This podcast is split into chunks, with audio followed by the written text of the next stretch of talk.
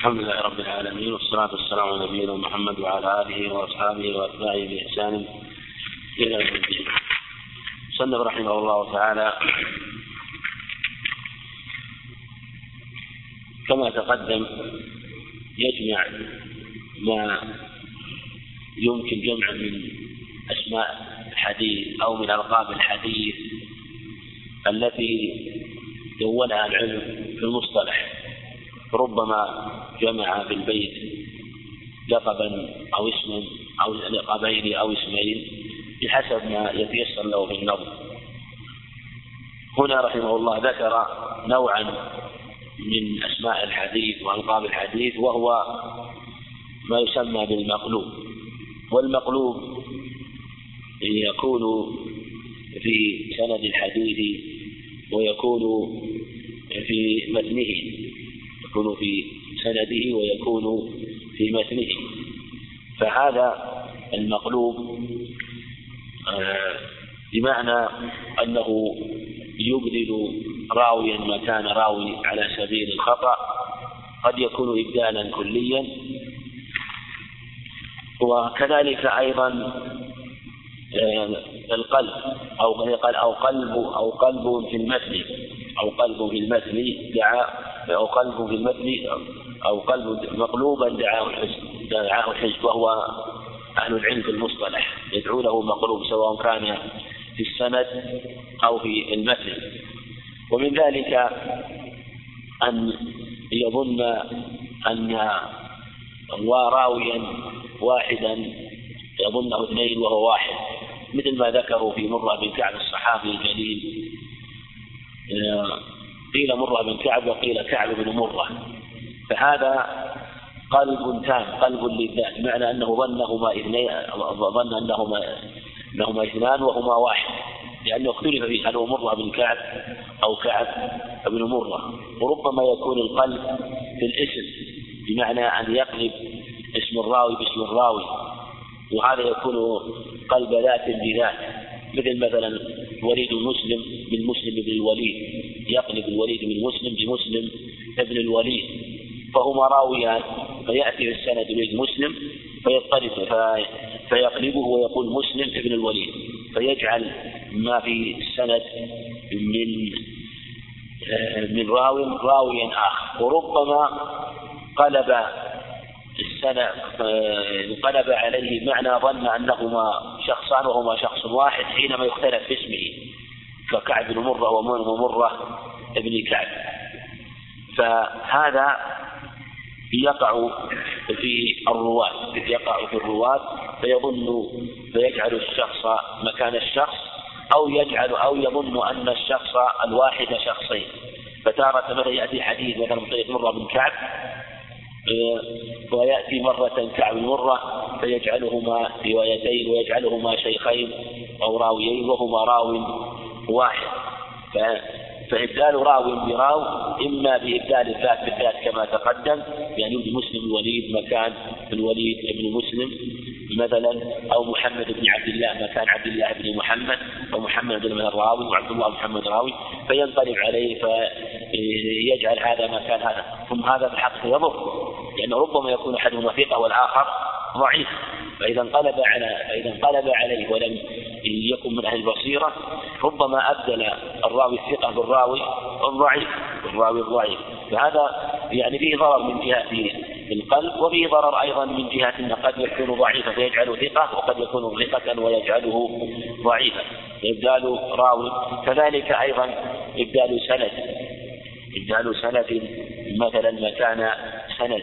فهذا أيضا يقع بمعنى أن يجعل سندا مكان سند. وهذا في الحقيقة أيضا ربما يكون سببا ل يعني هو قلب وقد يسبب اختلافا كثيرا في السند حتى يكون السند الضعيف صحيح أو الصحيح ضعيف. من ذلك مثلا ما رواه سفيان الثوري رحمه الله عن عبيد الله بن عمر عن نافع عن ابن عمر أنه أنه عليه الصلاة والسلام قال الجرس أو لا تسحب الملائكة رفقه فيهم جرس. هذا الحديث جاء بروايه ابن عمر ومنهم من قال إنه انقلب على سفيان الثوري رحمه الله من طريق آخر. ولما حدث سفيان يحيى بن سعيد القطان وهو من تلاميذه الكبار حافظ عظيم فقال أسقطت يا أبا عبد الله. سفيان الثوري رواه عن عبيد الله بن عمر عن نافع عن ابن عمر عن النبي صلى الله عليه وسلم. فقال يا أبا عبد الله أسقطت يقول يحيى بن سعيد وهو من تلاميذه. قال نعم. قال إني رويت عن عبيد الله بن عمر عن نافع عن سالم عن أبي الجراح عن أم حبيبة. عن أم حبيبة أنه عليه الصلاة والسلام قال لا تصحوا الملائكة رفقة فيهم جرس. قال سفيان صدقت. صدق رحمه الله إنه هذا من تواضعه ومن سعة علمه رحمه الله.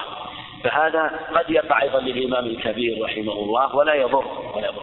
لكن الشان أن أنه قيل إنه انقلب على سفيان. طيب هنا شو السبب أن سفيان رحمه الله جعلها انقلب عليه؟ نعم انقلب عليه هذا الحديث. هو رواه وفي العصر رواه عبيد الله على على قول يحيى بن سعيد أن سفيان أن روايته عبيد الله عن نافع عن سالم عن أبي الجراح عن أم حبيبة لكن سفيان الثوري عن عبيد الله بن عمر عن نافع عن عبيد الله بن عمر عبيد الله بن عمر هذا من حفص بن عاصم بن الخطاب عن نافع عن ابن عمر وش السبب الانقلاب على سفيان؟ وش سبب انقلابه؟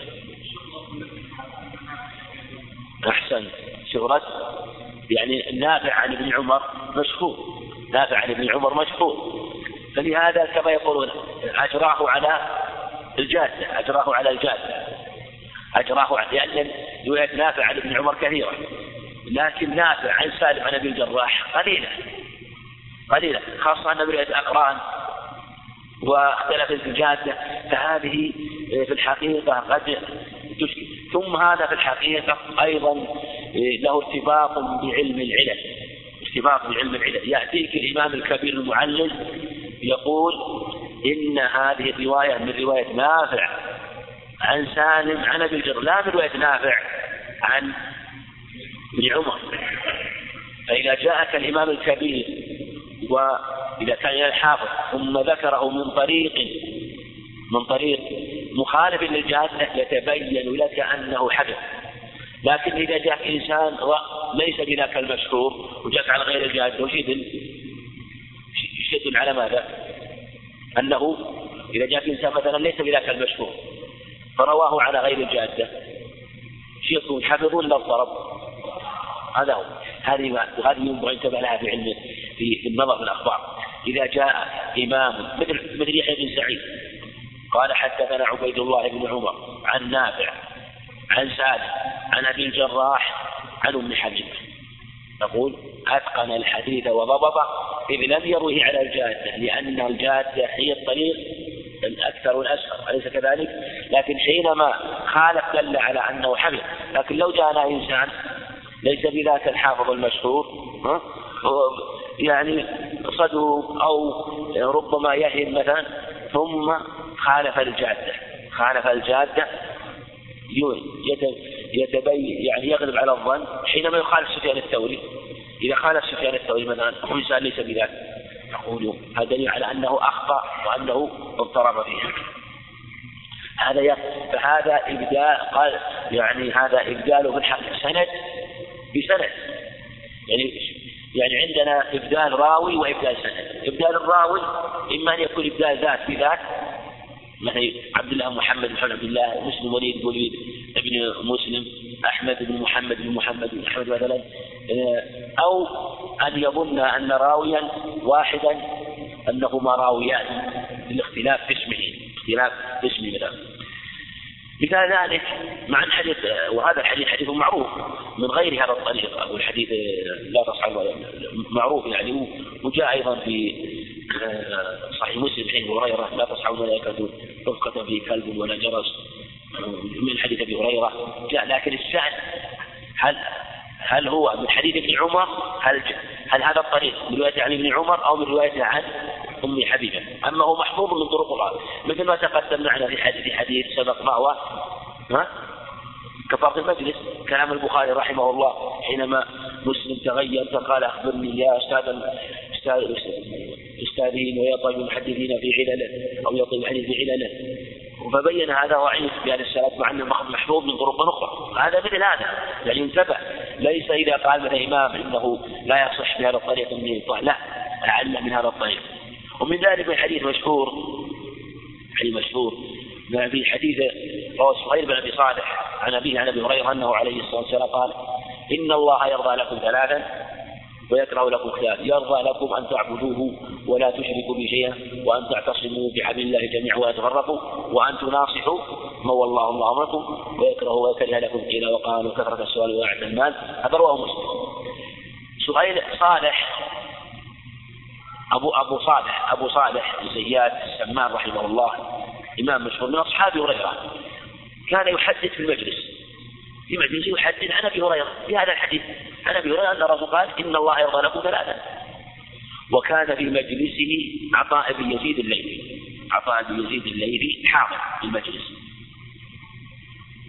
فلما فرغ أبو صالح قال عطاء يعني يريد أن يبين أن ما رواه جاء معناه عن النبي عليه الصلاة والسلام. قال عطاء بن يزيد رحمه الله حدثني تميم الداري أن النبي عليه الصلاة والسلام قال الدين النصيحة. قلنا لمن يا رسول قال لله ولكتاب رسوله ولأمة المسلمين عامة رواه مسلم. إذا حديث الدين النصيحة رواية عطاء بن يزيد عن تميم. حديث إن الله يكره لكم إن الله يرضى لكم ثلاثا من رواية أبي صالح عن أبي هريرة. بعض من حضر المجلس حضر المجلس لما ذهب قال حدثنا روى بسند رواية إسماعيل بن أبي صالح عن أبي صالح عن أبي هريرة عن النبي قال الدين النصيحة الدين النصيحة. وإلا هو في الحقيقة سمع الدين النصيحة من رواية من؟ عطاء بن يزيد عنده في مجلس أبي صالح. في مجلس. فهو في الحقيقة لما قام من مجلس أبي صالح هو صاحب المجلس. وسمع هذا الحديث وكان هذا عارض بالنسق كما يقال. سيأتينا أحيانا مدرج يشمل المدرج في الحقيقة كأنه أدرج لأن هذا الحديث جاء به عطاء بن يزيد في مجلس أبي صالح من باب المذاكرة فالذي حضر مجلس أبي صالح جعل كل الأحاديث التي ذكرت من حديث أبي صالح عن أبي هريرة. فصار يحدث بحديث الدين النصيحة من رواية أبي صالح عن أبي هريرة. كثير من أهل العلم قال الحديث الحديث مشهور من التميم رواه مسلم. وجاء من رواية ابن عباس وجاء من رواية أبي هريرة حديث الدين النصيحة. البخاري رحمه الله يقول حديث الدين النصيحة لا يصح إلا عن إلا من طريق النبي رحمه الله. ومن رواه عن أبي هريرة أو ابن عباس فقد وهم. وقد نبع ذلك أيضا محمد بن نصر المروزي رحمه الله في كتاب تعظيم قدر الصلاة وقال هذا المعنى أيضا. قال هذا رحمه الله قال يبين أيضا أن محمد بن نصر المروزي رحمه الله إمام عظيم وله عناية بالعلم يقول إن هذا الحديث مما حدثه عطاء بن يزيد في مجلس أبي صالح.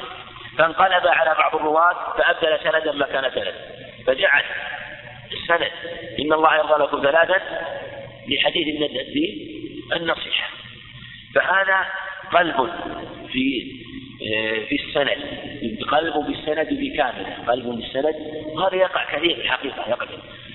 وبعض أهل العلم يعني من المتأخرين مثل حديث سؤال بن أبي صالح عن أبيه عن أبي هريرة عن النبي قال الدين النصيحة.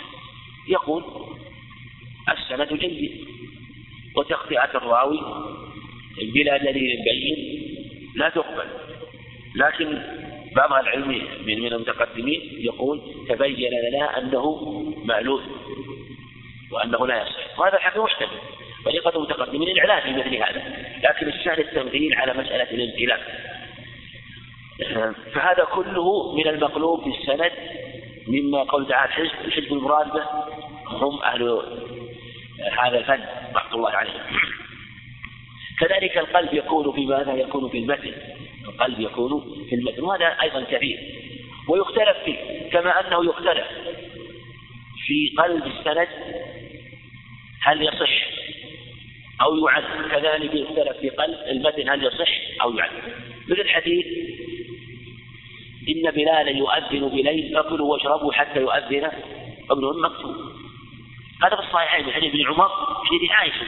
إن بلالا يؤذن بليل فكلوا واشربوا حتى يؤذن ابن أم مكتوب روى ابن خزيمة روى ابن خزيمة بالرواية بلفظ إن إن إن ابن مكتوم يؤذن. إليه قال فكلوا واشربوا حتى يؤذن بلال. ابن خزيمة رحمه الله يقول الروايتان صحيحتان. ولا ولا هذا يسمونه انقلاب المتن.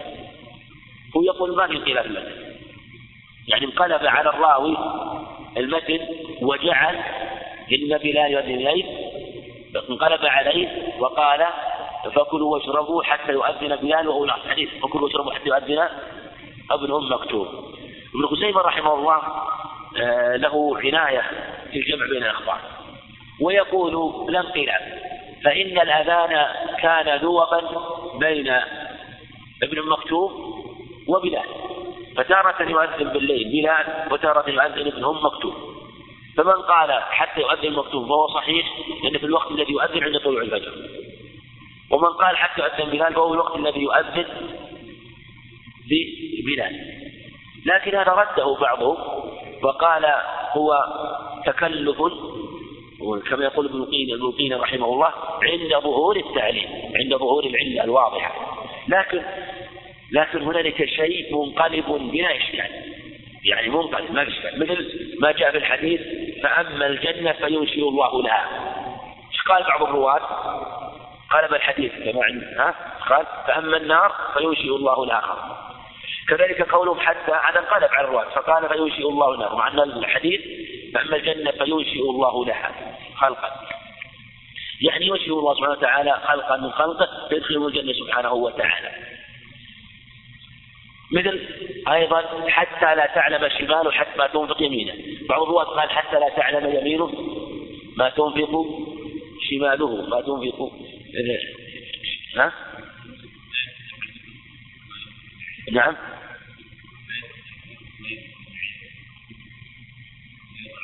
أي هذا عشان هذه هذه محل بحث. هذه محل بحث. ابن القيم رحمه الله يرى أنه منقلب ومنهم من يقول ليس كذلك. يعني هذه من مواقع في الخلاف يعني. مواقع في الخلاف. نعم. حديث من؟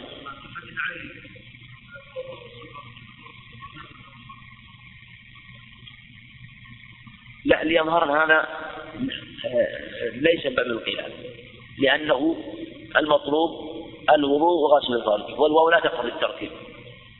الواو لا تقتضي الترتيب. جاء هذا وانضح. الحديث توضأ وانضح فرجك وانضح فرجك جاء هذا وهذا. هو لا تقتضي الترتيب في مثل هذا. ثم أيضا حتى لو قيل ممكن أن ينضح فرجه بعد الوضوء بدون أن يمسه. ممكن يعني لا, لا, لا يلزم أن يمسه. قد يتوضا ثم ينضح. وممكن أن يباشر مثلا بحائل فلا لأن ليس من شرطه أن يكون قبل الوضوء. نعم. هذا هو المطلوب وهو نوع من هذا الفن خصه العلماء. لكن ترى آه، لابد قبل الحكم بالانقلاب من البحث والنظر لأنه يختلف أحيانا هل هو منقلب أو ليس منقلب. ليس كل ما قيل فيه منقلب أنه يجزم بل لا بد من البحث والنظر. لكن كما تقدم أحيانا يظهر ظهور بين واضح أنه منقلب سنده ومتن تارة يكون موضوع اجتهاد مثل ما تقدم في بعض أنواع اختلاف المتن وفي بعض أنواع الانقلاب في السند نعم. المقلوب هو في الحقيقة يعني جميع ما يعل جميع ما يضاعف عليه كله من العلة يعني تقدم معنا أن العلة يدخل فيها كم قسم كم يدخل في العلم؟ إذا قلنا حديث معل في الاصطلاح العام يدخل فيه ثلاثة أنواع. العلة لها إطلاق عام وإطلاق خاص. الإطلاق الخاص هي العلة الخفية. العلة الخفية التي تحتاج إلى كشف. وإطلاق عام يدخل فيه أعظم طعن بالكذب أو التهمة به. أو الضعف كون مجهول مستور مختلف أيضا معلوم. الثالث الإطلاق الخاص وهو العلة الغيب. ولهذا ذكرت أن ابن أبي حاتم رحمه الله وغيره ممن ألف في العلل يذكر في كتابه أحاديث باطلة. بل هو يقول هو باطل. يعني يقول هذا حديث باطل. نعم. الوضاع إيه؟ نعم. أحسن. نعم. هذا صحيح. هذا أيضا مما يقصي يقصد به مثلا بعضهم يقصد بعضهم مثلا من باب الإغراب ويسمونه السرقة. يسمونه السرقة. يسميه بعضهم السرقة. فيأتي إلى حديث من الأحاديث ويقلب سنده. يقلب سنده حتى يدرجه حتى يدرجه حتى يقبل فيغري به. هذا يقع بعض مثل حماد بن عمرو النصيبي أحد الكذابين. آه، ربما جاء إلى بعض الأحاديث فقلبها سميها بعض العلماء سرقة يعني بمعنى آه، حتى يقبل مثلا يجعل حديث مثلا رواية إنسان ليس بذاك المشهور فيجعل الإنسان مشهور آه، حتى يقول ربما لأجل أن يغرب على الناس ويقول أنه لكن في الغالب ينكشف بإذن الله ويتبين أنه من طريق هذا الكذاب نعم. نعم. ها؟ نعم هذه هو هو هو القلب هذه يسمونه القلب للامتحان. القلب للامتحان. ولهذا ذكروا يعني أنه القلب إن كان للامتحان هذا بحق ليس منقلب لكن لكن أهل الفن قلبوه. فقصة البخاري مشهورة ذكر الخطيب رحمه الله لما اجتمع له عشرة من حذاق أهل أهل العلم بالحديث سمعوا فجعلوا حديث عشرة عشرة أسانيد عشرة كل عشرة أسانيد. مثل جعلوا مع سالم عن نافع ومع نافع عن سالم. وهكذا ما عن سعيد عن عن ابن عباس عن عكرمة ما عكرمة والذي عن عكرمة جعلوا عن سعيد فقلبوا أسانيد الأحاديث بوجوه أخرى فهذا نوع من القلب لكن هل يجوز هذا؟ هل يجوز هذا؟ نعم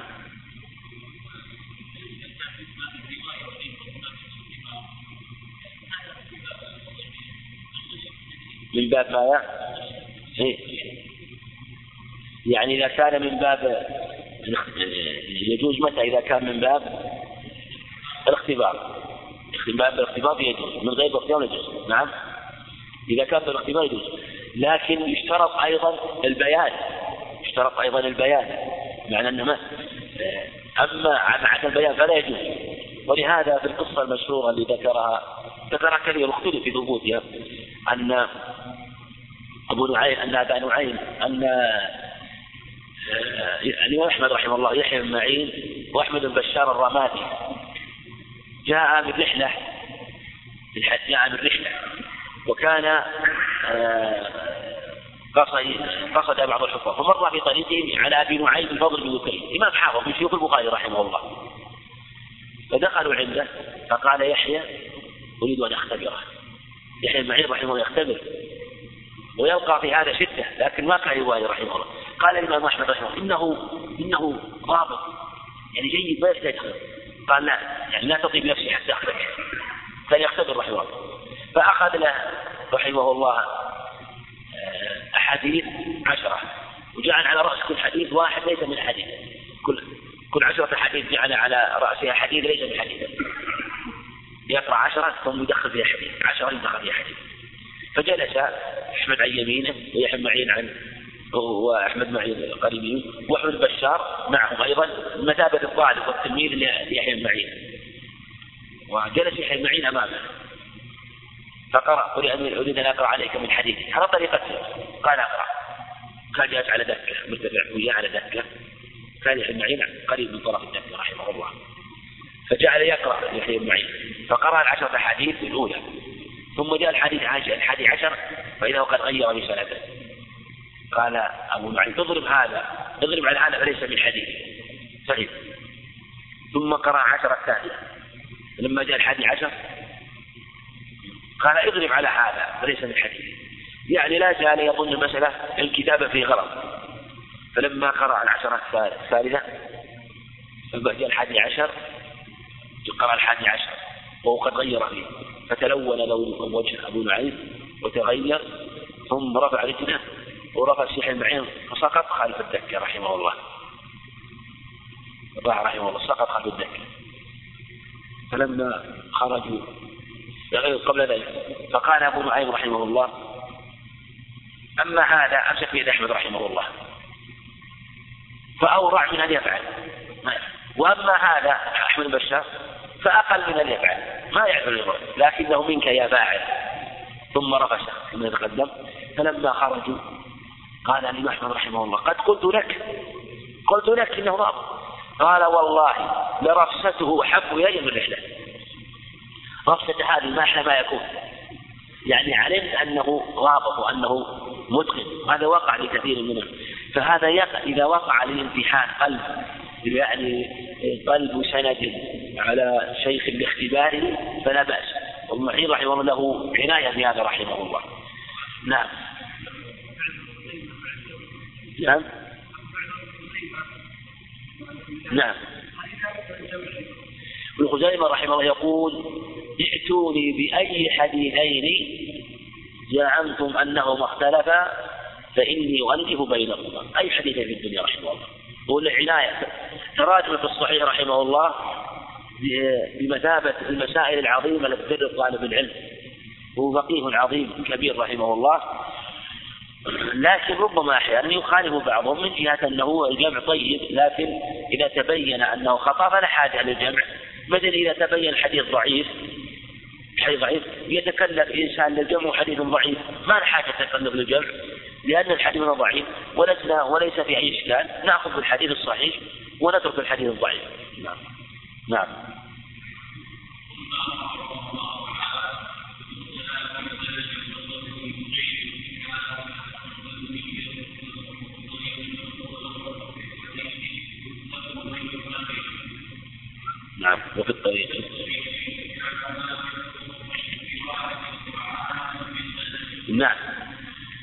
كذلك من أنواع هذا الفن المضطرب.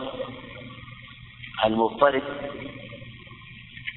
هو نوع من المختلف لكن اختلاف يكون في السند ويكون في المتن والاضطراب والاختلاف اضطرب أي اختل. اضطراب يكون في السند ويكون اضطراب في المتن. فهذا حينما يعني من شرط الاضطراب شرط الاضطراب إنه آه، الاختلاف الطرق أو الاختلاف في المتن مع التساوي في الحفظ والعدالة تساوي الحفظ. أما إذا حصل اضطراب مثلا في السند وأحد الرواة المخالفين للآخر أحفظ فيقدم الأحفظ ما في اضطراب إنما اضطراب عنده ما يحصل اختلاف مع التساوي في الإتقان والحفظ والضبط. ولها قال وذو تنافي في سند أو متن من غير رجحة هذا مهم هذا القيد. يعني يكون التنافي وجود الاضطراب والاختلاف مع التنافي. وجود الاختلاف ما من غير رجحان ما فيه رجحان كلاهما متساويان. وهو في الحقيقة حينما يكون التساوي تساوي آه لا بد أن يكون التساوي في الحفظ والإتقان. أما حينما يحصل اختلاف ويكون مدار الحديث على مجهول لكن يختلف في اسمه هذا في الحقيقة ضعيف ولا يدعى مضطرب يعني مثلا بعض العلم ممن صنف ممن كتب المضطرب في الغالب أن الاضطراب في الاسم لا يكون لأن الاسم مجهول.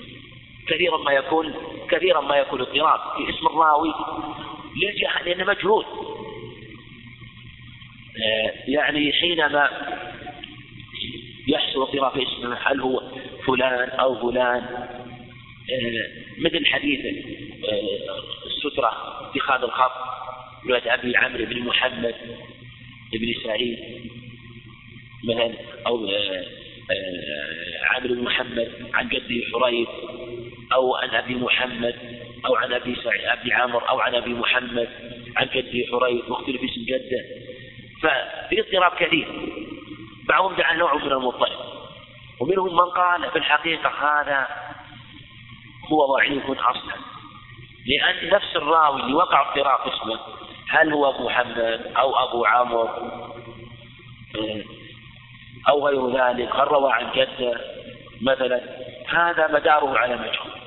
وإذا كان مدار على المجهول فهو ضعيف لا يقال من المضطرب لكن حينما يكون يحصل اضطراب في اسم الراوي ويكون الرواة اضطرب في أسمائهم ثقات ثقات في هذه الحال هو الذي يكون مضطربا مع مع اتفاقهم في الحفظ أو تقاربهم وذكروا حديث شيبت اليهود وأخواتها واضطراب الرواة فيه آه، وأن مدارة على اختلف في صحابية واضطرب كثيرا أبو بكر أو هو غيره؟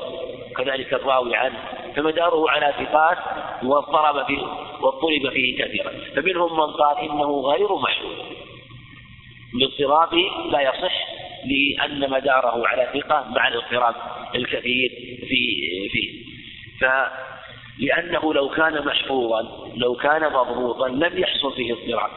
الاضطراب يدل على أنه حصل خلل في رواية الحديث فلهذا آه، تبين الأمر. وفي الغالب أن أن الاضطراب يتبين يتبين ولهذا أمثلة قليلة خاصة في السند. أما المتن ففي الغالب أنه لا يعل به لأن المتن حينما يكون السند صحيح ويحصل اختلاف في المتن فلا في الغالب لا يضر. مثل مثلا حديث آه، أبي هريرة في قصة اليدين. هل هو صلاة الظهر أو العصر مثلا؟ هل هي ثلاث ركعات؟ سلم من ثلاث أو من اثنتين. حصل اختلاف. من يجعل ومن يجب وهذا في المتن. هذا النوع هذا المراد على سنتبه وهو التنافي في المتن. فقول مثلا في العصر مخالف في الظهر. وقول في الظهر ينافي في العصر. وقول ركعتين ينافي إنها ثلاث. ففي اختلاف. منهم من قال إنها وقائع. الواقع هي في العصر. ركعتان أو في الظهر ركعتان وفي العصر ثلاث منهم من قال لا هو واقعة واحدة ومن تأمل القصة فهي واقعة. حديث عمران في العصر ثلاث هو نفس حديث أبو هريرة الثنتين لكن لا بد من الجمع. لا بد من الجمع. فعلى هذا يتبين أن بعض الرواة أخطأ. بعضهم تكلم للجمع وذكر يعني تكلم للجمع آه، تكلفا قد لا يقبل. وما يهمه وما الذي يمنع أن يقال إن اشتبه؟ لأن في الحقيقة اشتباه الصلاة يقع كثير. الاشتباه في الصلاة يقع كثير. ربما يكون اشتباه على نفس الراوي على أبي هريرة رضي الله عنه. هذا لا يضر. يعني إذا كانت القصة صحيحة فلا يضر أن يحصل اختلاف أو شيء نوع من الاضطراب الذي لا يؤثر. ما دام حدث مثل مثلا هو قصة جابر رضي الله عنه الصحيحين حينما اشترى من الجمل اشترى من الجمل قصة الطويلة المعروفة لما أن جمله أعيا فضربه النبي بصوت فصار يسبق الإبل فلما جاء المدينة قال بعني إياه فباعه إياه قصة. اختلف اضطرب في الثمن على أقوال كثيرة في ثمنه. هذا ما يضر. في الغالب أن إذا كان ثمن دنانير أو دراهم هذا يعني مع طول الزمن ينسى ويختلف. إيه، فهذا لا يؤثر. ما دام القصة محفوظة مثل حديث قصة فضالة بن عبيد في الذي اشترى قلادة؟ فيها ذهب وخرج في الذي اشترى ب 12 من اشترى بسبعة وروايات أخرى كثيرة أيضا. منهم من قال هذا اضطراب في المسجد. اشترى ب 16 دينار أو بسبعة أو بأقل أو بأكثر. روايات عدة. من أهل العلم قال هذا لا يضر. ولا يؤثر لأن القصة محفوظة ومضبوطة لكن في الغالب أن الدنانير حينما المعدودة يحصل فيها آه، خلاف في مسألة عدها وهذا يقول كذا وهذا يقول كذا فهذا يقع كثيرا في المتون فعلى هذا نقول إنه لا بد آه، أن ينظر ولا يستعجل في الحكم بالاضطراب حينما يأتي مثلا متكلم ويقول إنه مضطرب وهو ليس بمضطرب في الحقيقة. نعم. نعم. نعم.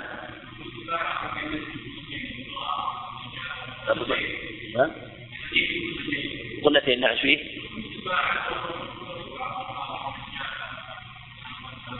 نعم هذا كذلك. مع حديث القلتين إن أنه الروايات اللي ثلاث أربع, أربع كلها أو أكثر لا يعني جاء هكذا لكن المعتمد يعني هو وفاة شرط فيه وهو التساوي. شرط شرط فيه وهو التساوي. لكن حديث في في سنده هو اللي حصل الاختلاف. هل هو من رواية عبيد الله بن عبد الله أو من رواية عبد الله بن عبد الله؟ وهل هو أيضا يعني الراوي عن ابن عمر اختلف فيه؟ وهو مدار على آه، ثقة. لكن الصحيح فيه أنه جاء من طريقين. يعني عبيد الله بن عبد الله ومن طريق الآخر. هذا هو عند التحقيق كما ذكره كما ذكره الحافظ رحمه الله في التلخيص. يعني أنه في التحقيق أنه من طريقين. لكن الاضطراب يعني جاء اضطراب في متنه وجاء اضطراب في سنده. في متن التحقيق أنه من طريقين. من السند. من طريقين. أما المتن في الاختلاف فيه فات شرط فيه وهو وهو التساوي لأن من روى قلتين أتقن وأثبت. ممن روى غيرها. نعم يدعونه مضطربا يعني أهل الفن كما تقدم. والمدرج الإدراج هو الإدخال. الإدخال آه، يعني أدخل الشيء في الشيء. هذا هو الإدراج. أو أو من أدرجت الكتاب إذا طويته إما من أدرج إذا أدخل من إدخال معنى الإدخال يعني مثل إدخال شيء في شيء. أو من آه، أنه من طوى الكتاب إذا آه، أخفى ما فيه. أيهما أبلغ في الخفاء الإدخال إدخال الشيء في الشيء أو من طي الكتاب؟ نعم. بس أيهم اللي يخفى المطوي ولا المدخل اللي, اللي, اللي لو لو إنسان دخل هنا المسجد دخل البيت شو هو ما شاهد شاهده ها؟ شاهده لكن إذا طويت إذا قلت أدخلت الشيء في الشيء لا يلزم منه استتاره. لكن إذا طويته استتر يستتر. فالطي أبلغ الخفع الطي أبلغ في الخفع وهو بالحقيقة ربما يشمل النوعين. لأنه أحيانا يدخل فيه فلا يتميز وأحيانا يحتاج إلى نظر وكشف وهو لكنه هو كأنه من الإدخال من الإدخال. ويشمل إدراج في المتن ويدخل ما يشمل الإدراج في السند والإدراج ربما كان في الحديث المرفوع وربما كان في الموقوف وربما كان في المقطوع يعني في كلام النبي عليه الصلاة والسلام وفي كلام غيره. لكن أشهر أن الإدراج المراد في كلام النبي عليه الصلاة والسلام. قوله في الحديث لفظ من يخرج وهو الراوي. الذي روى الحديث لأن الذي روى الحديث هو الذي يقال مخرج من فلان؟ يعني اشتهاره من يخرج يعني من روى الحديث وهو الراوي الذي أدرجه. أو الإدراج في السند المروي. يعني روي بهذا السند حديث مدرج مدرج والإدراج على ثلاثة أقسام إدراج في أول المتن وإدراج في وسطه وإدراج في آخره. وهي على الترتيب فأقلها الإدراج في الأول يعني الإدراج في الوسط وأكثرها الإدراج في الأخير. أكثر ما يكون الإدراج في الأخير. إدراج مما تقدم إدخال شيء في حديث النبي عليه الصلاة والسلام. وسبب الإدراج إما تفسير غريب أو خطأ من بعض الرواة. أو خطأ من بعض الرواة حينما يدخل لفظ راوي في حد حديث مثل يدخل لفظ كلام الصحابي ويجعله من كلام الحديث فيظن الظان أنه من كلام النبي عليه الصلاة والسلام. وقد يكون تفسيرا من الراوي فيدرجه في الحديث بناء على فهم السامع فيرويه غيره ولا يبين ولا يبين ومن الإدراج في أوله ما حديث أسبغ الوضوء فإني سمعت رسول يقول أسبغ الوضوء الحديث فإني سمعت رسول يقول ويل العقاب النار. بعضهم جعل هذا في حديث هريرة بعضهم جعل أسبغ الوضوء وإلى قال أسبغ وإلى قال من كلام النبي عليه الصلاة والسلام. مع أنه من كلام أبي هريرة. لكنه جاء من كلام النبي في صحيح مسلم من طريق عبد الله بن عمرو يعني القصد أنه أنه من أبي هريرة أن من أن الحديث رواية أبي هريرة قول اسكت من كلام أبي هريرة. ليس من كلام النبي عليه الصلاه والسلام. لكنه جاء مرفوعا إلى النبي عليه الصلاة والسلام من غير حديث أبي هريرة كحديث عبد الله بن عمرو نعم. كذلك نعم هذا في آخر نعم منه الإدراج الأخير. ومن الإدراج الوسط قول الزهري رحمه الله في حديث عائشة الطويل لما ذكرت آه، آه، تعبد النبي عليه الصلاة والسلام لما كان يخلو في غار حراء. قال الزهري وهو التحنث. التحنث وهو التعبد التحنث وهو التعبد. يتحنث قال الزهري التعبد. فأدرجه بعضهم من كلام عائشة. أن مع أنه من كلام الزهري من باب تفسير الكلمة نعم. الإدراج في آخره مثل ما تقدم في حديث من استطاع يفضل العروة تحديدها فليفعل. هذه اختلف فيها. قيل إنها يعني إنها من كلام النبي عليه الصلاة والسلام وقيل من كلام الرسول تقدم الكلام فيه والاشاره اليه لكن أظهر أنها مدرجه ومنها أيضا تقدم شرعه أيضا قول أبي هريرة لولا الحج والجهاد وبر أمي لأحببت أن أكون أن أكون مملوكا مملوكا للمملوك أجران يعني هذا عمر رضي الله عنه اللي قال لولا خفين خليفة الأهبل لكن هذا لما أنه وهذا في الحقيقة مدرج. كيف يعرف الإدراج؟ تارة بأنه يمتنع أن يكون في الحديث. مثل قول لولا بر أمي. لولا بر أمي. هذا يمتنع ها؟ لأن النبي عليه الصلاة والسلام يكون له أم في ذلك الوقت. أيضا لا يمكن يتمنى النبي أن يكون مملوكا عليه الصلاة والسلام وهو رسول الله لأن هذا لا يمكن أن يستقيم مع الرسالة مع الرسالة. هذا يمتنع أيضا يعرف الإدراج في آه، نفس بيان الراوي. الراوي يأتي بطريق آخر أن يقول آه، قلت كذا وكذا. أو يتبين من بعض الرواة أن يفصل كلام النبي عليه الصلاة والسلام من كلام غيره.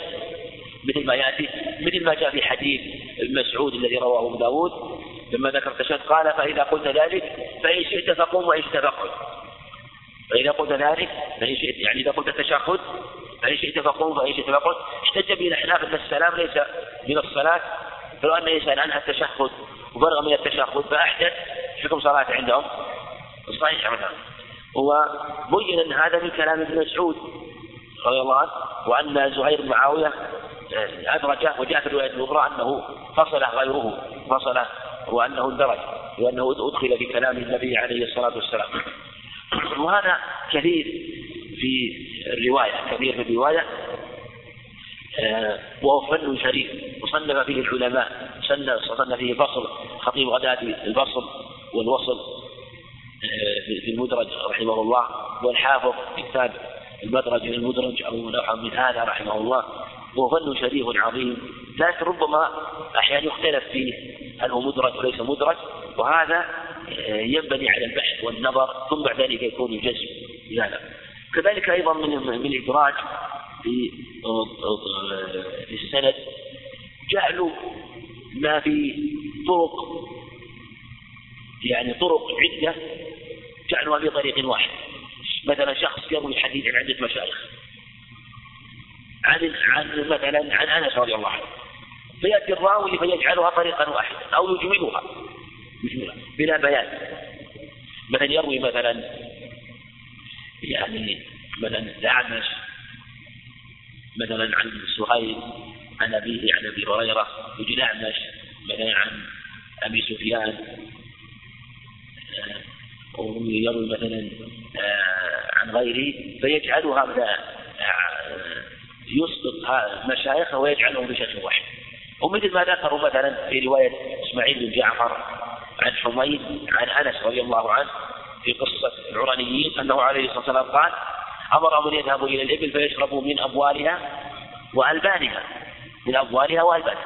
هذا رواه إسماعيل بن جعفر عن حميد عن أنس عن أنس. وفي الحقيقة فالذي من رواية حميد عن أنس أن يشربوا من ألبانها رواية حميد عن أنس بن أما قولها من من أبوالها فليست من رواية حميد عن أنس. إلا من رواية حميد بن أبي حميد الطويل عنه إنما من رواية حميد عن قتادة عن أنس. حميد عن قتادة عن أنس. فحميد له في الحديث شيخان. شيخ هو من؟ من شيخ الأول أنس صحابي شيخ الثاني قتادة. شيخ الثاني قتادة. فالحديث واحد. الحديث واحد. لكن روى بعض روى بعضه عن أنس رضي الله ورواه بتمامة عن قتادة عن أنس. فلفظة أو الأبوان لم يروي عن أنس. لم يروي عن أنس. فهو رواه مثلا حميد عن أنس أمر يشرب من ألبانها ورواه حميد عن قتادة عن أنس أن يشرب من أبوالها وألبانها فإسماعيل بن جعفر جاء وقال عن حميد أنس فأمروا يشربوا من أبوالها وألبانها جعل ما في طريق طريق واحد. أدمجهما وأسقط قتادة من الطريق الثاني. وهذا نوع من الإدراج في الإسناد هو أن يختصره. وهذا قد يكون عن تعمد خاصة إذا كان من الرواة ثقات وربما يكون عن غفلة. ولهذا يختلف. هل هو مثلا قصد أو لم يقصد. في واحد وك يعني في واحد مثل ما تقدم يجعله عن أنس رضي الله عنه. بدل يجعله عن قتادة عن أنس وعن أنس. يعني بدل يجعل عن حميد عن قتادة عن أنس وحميد عن أنس جعل عن حميد عن أنس. في واحد الكلام. هذا شك نقص وليس لكنه فيه إدراج أن يجعل ما في طرق في غير واحد. كذلك وعارض في النسق وعارض في النسق العارض في النسق هذا يأتي في الحقيقة في المتن وفي الإسناد. مثل ما تقدم مثلا في تداخل الأسانيد. إسناد في إسناد مثل يأتي مثلا في آه، حينما يتكلم مثلا المحدث يتكلم محدث من هذه حديث. فيأتي في كلامه في حديثه كلام عرب. عرب. مثل ما روي عن آه، ثابت محمد الزاهد ضعيف زاهد ضعيف. جاء إلى مدى الشريف بن عبد الله النخعي. شريف عبد الله كان في مجلس يحدث. فيقول حدثنا الأعمش عن أبي سفيان طلحة بن عن جابر بن عبد الله. كان يقول ابن شريف حدثنا الأعمش عن أبي سفيان عن جابر بن عبد الله عن النبي صلى الله عليه وسلم. لما انتهى من لفظة النبي عليه الصلاة والسلام دخل ثابت بن محمد. كان رجلا عابدا زاهدا كثير قيام الليل. فلما رأى الشريك رحمه الله كان ثابت سمع الإسناد. سمع الإسناد دخل يسمع الإسناد. الشريك يقول حدثنا الأعمش عن أبي سفيان عن جابر بن عبد الله فلما رأى شريك وقف الحديث فقال يداعبه ويمازحه ويؤانسه من كثرت صلاته بالليل حسن وجهه بالنهار هذا ضعيف جلس لما خرج راح مجلس آخر. يعني حدث حدثنا شريف. عن الأعمش عن أبي سفيان عن جابر عن النبي وسلم من كثرت الصلاة وليحسن وجهه بالنهار ما ليس عنده ذاك الإتقان والفهم فلهذا روى هذا الحديث على أنه من كلام النبي عليه الصلاة والسلام مع أن شريك أتى به من باب المؤانسة لأن يعلم أنه عابد وأنه يقوم الليل فقال من هذا الكلام. وهذا رواه ابن ماجه الحديث. وهو بالحقيقة بحكم موضوع. وهذا من الموضوع الذي لا يكون واضعه كذابا. يعني يكون الوضع من باب الخطأ والغلط. فليتقدم معنا بحث يتألف هل في كتب مسانيد يحسنون حل موضوعة؟ منهم من قال ليس فيها موضوع لأنه لا يروون عن كذابه منهم من قال لا إن أريد بالموضوع ما وقع خطأ فلا يشكل. يعني فلا نكارة في مثل هذا أن قد يقع. وفي مسند من هذا جنس حديث. بل إن ابن رحمه الله في أخبار وأيضا التلميذ رحمه الله قيل فيه كذا وربما ادعي هذا في أبي داود لكن الشيء نادر رحمه الله.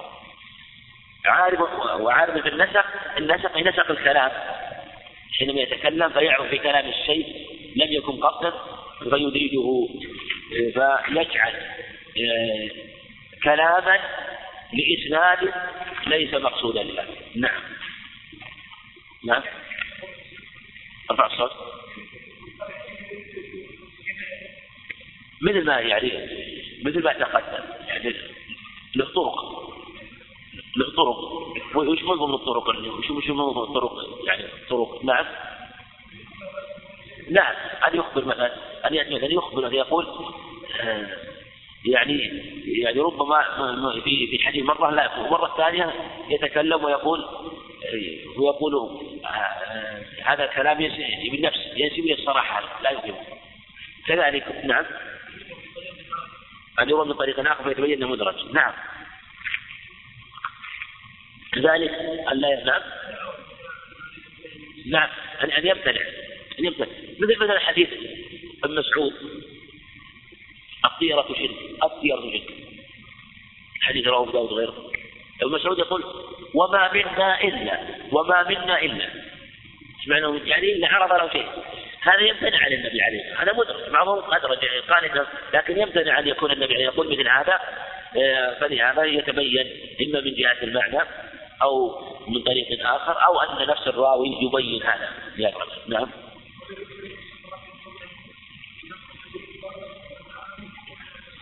إيه نعم يعني, يعني يأتي في من طريقين.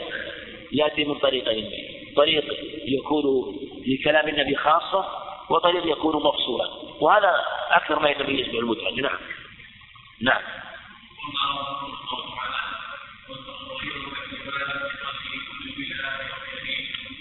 نعم. نعم مدبج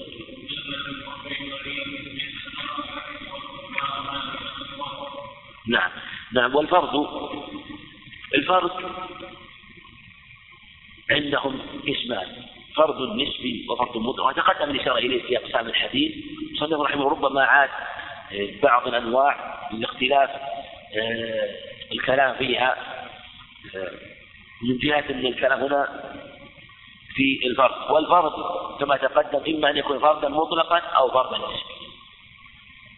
فرضا مطلقا أو فرضا نسبيا. والغريب الغريب ربما كان فردا مطلقا وفردا نسبيا. في الحقيقة هي اصطلاحات هي اصطلاحات. وفي الغالب أن الغريب إذا قالوا غريب يريدون به الغرابة النسبية والفرد إذا أطلق يراد به الفرد المطلق. الفرد إذا قيل في الغالب تفرد بفلان أي تفرد به مطلقا. أغرب بفلان أي تفرد به نسبة. هذا في الغالب. وقد تفرد به هناك يعني لم يروه أحد غيره. وإذا قيل غريب من طريق أو أغرب فلان في الغالب يدرك بالتفرد النسبي. لكن الفرد يطلق على الفرد النسبي والفرد المطلق والغريب يطلق على الفرد المطلق والفرد النسبي أيضا. يتبين أنه كما تقدم أن اصطلاح الحديث واسع الله عليه ما هناك شيء يقال والله اصطلاح ما يتعدى له. لا يتكلفون رحمة الله عليه. هذا يقع أحيانا ولهذا وإن كان الغريب كما تقدم يريدون بالغرابة النسبية يقول أغرب به هنا؟ يعني ما أغرب به إلا أنه روى شيء لم يروه غيره. لم يروه غيره. والفرد المطلق مثل ما تقدم أن ينفرد بالحديث انفرادا تاما ولم يروه غيره. ولهذا هو الفرض أيضا باعتبار الثقة. هذا تفرد نسبي ولا مطلق باعتبار الثقة؟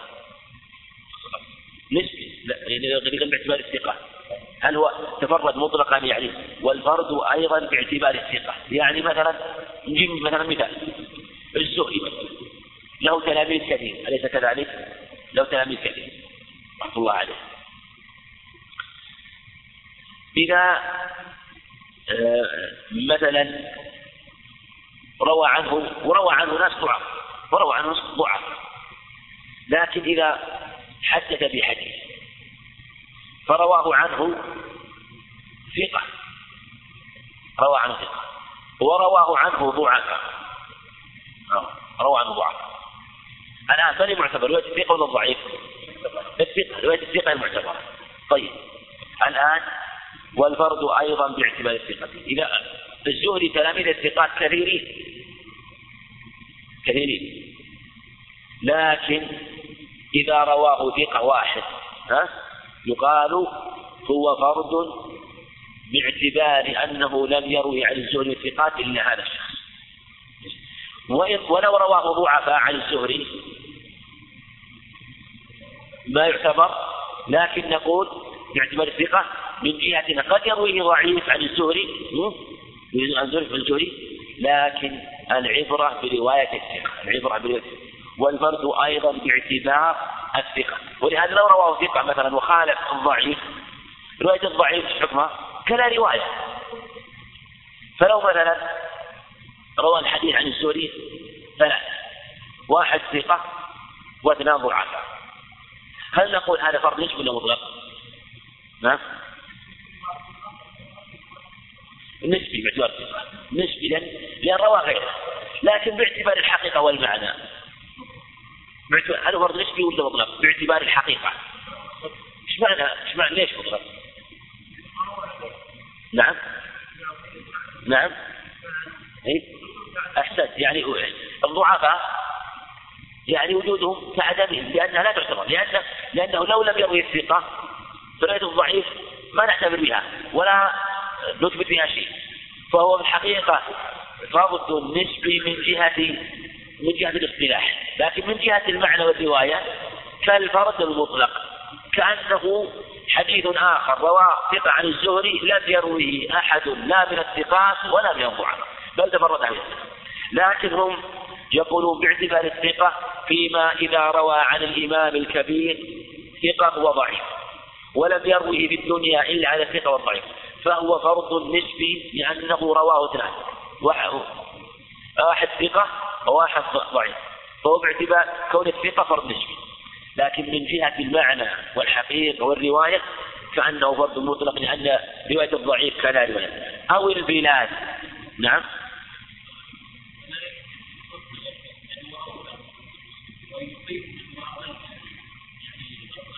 ألا ممكن. وممكن يأتي يكون قاضي. اثنان ويتحاكمان ويقول أنا أطلب فلان ألف ريال إيش تقول عفوا إيش؟ تبين؟ جاب شهود إيش تسوي؟ تحكم ولا تحكم له؟ تحكم له ولا لا؟ طيب يجوز إنهم شهداء زور ولا لا؟ يجوز التجويزات ما لها حد بل لو أنه جاء شهد أن قتل فلان حكم به أو سرق قطعت يده ويجوز أنهما كاذبان. يجوز أنه ولو شهد رجل طلق زوجته حكم بذلك. ويجوز أن ولو حكم حاكم واعتد تزوج. يجوز في الباطن ما طلق زوجته فالتجويزات ما لها حد لكن أمور المصطلح ما تدخل التجويزات العقلية. نعم؟ احتمالات ما لها حد. ولهذا أمور الشريعة مبنية على في هذه الأمور. على الظن من جهة أن الغالب أن الراوي ما دام ثقة روايته يعني معتبرة وقد يجوز أنه مثلا قد قد يخطئ الثقة ويصيب بل ربما الوضاع روى حديث الوضاع ما يجوز يعني الكذاب ما يجوز يصدق ولا لا؟ هو هو مو كذاب دائم لابد ان يصدق ما ما في إشكال يعني لا. ومع ذلك لو كل ما روى من الحديث حكمه ما نقبله إذا انفرد به. ولهذا من كذب في من كذب في حديث الناس من كذب في حديث الناس ولو لم يكذب في حديث النبي عليه الصلاة والسلام. حكم رواية عن النبي؟ ما تقبل كذاب كذاب. ولو ولو ولو أننا نعتقد أنه يصدق حديث النبي. ما نأمنه لكن ما نأمنه مهما كان. ما دام إنك كذاب ما نقبل. ويجوز أنه صدق يجوز أنه صدق. نعم.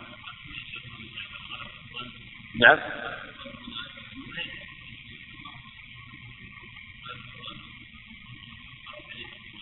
الحمد لله حديث النبي في غنى عنه.